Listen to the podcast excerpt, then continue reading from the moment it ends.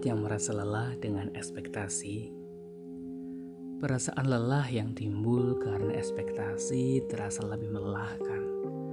Tidak hanya berdampak pada hati dan pikiran sebagai bagian dari kesehatan mental, juga berdampak kepada kesehatan fisik. Untuk itu, berespektasilah secukupnya. Jangan berlebihan. Sayangi diri sendiri, kurangi ekspektasi. Buat yang merasa kecewa dengan realisasi, ada kalanya diri ini tak seperti yang diharapkan. Seringkali merasa diri mengecewakan.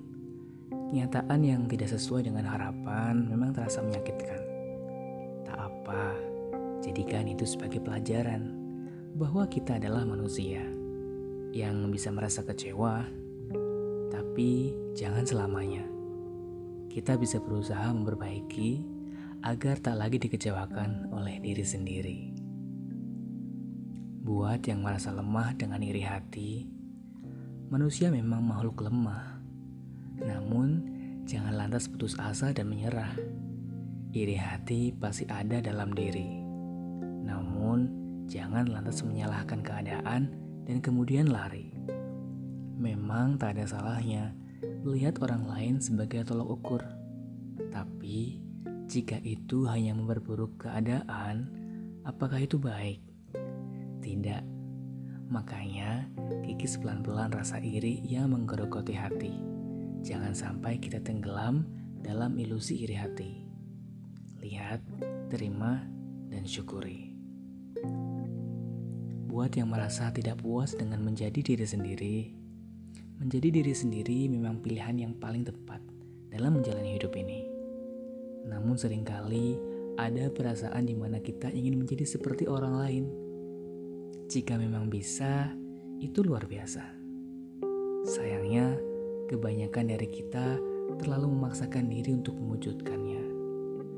Alih-alih berubah, kita cenderung mencacati apa yang kita miliki saat ini. Mari kita sadari, rasa puas terhadap diri adalah rasa penerimaan itu sendiri sembari melakukan evaluasi dengan cara introspeksi, perbaikan, dan pengembangan diri.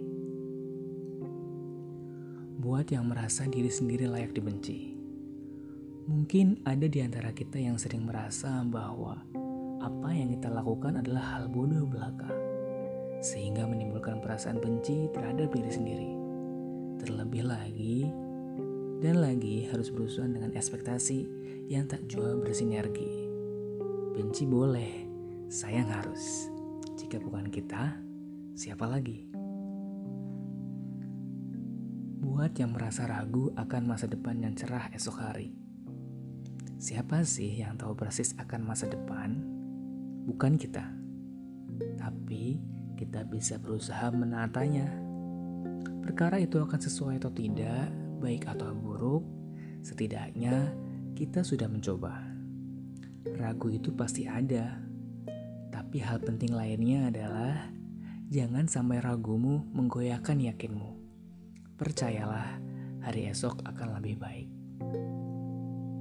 Buat yang merasa tertinggal kemudian ingin menjauh dan berlari, tertinggal atau tidaknya seseorang bukan hanya soal kapan dia mulai, melainkan bagaimana memanfaatkan waktu yang dimiliki. Semakin baik pengaturan waktunya, semakin baik pula hasilnya. Sebaliknya, semakin buruk pengaturannya, maka akan semakin jauh pula ketertinggalannya. Waktu adalah kamu. It's okay to not be okay.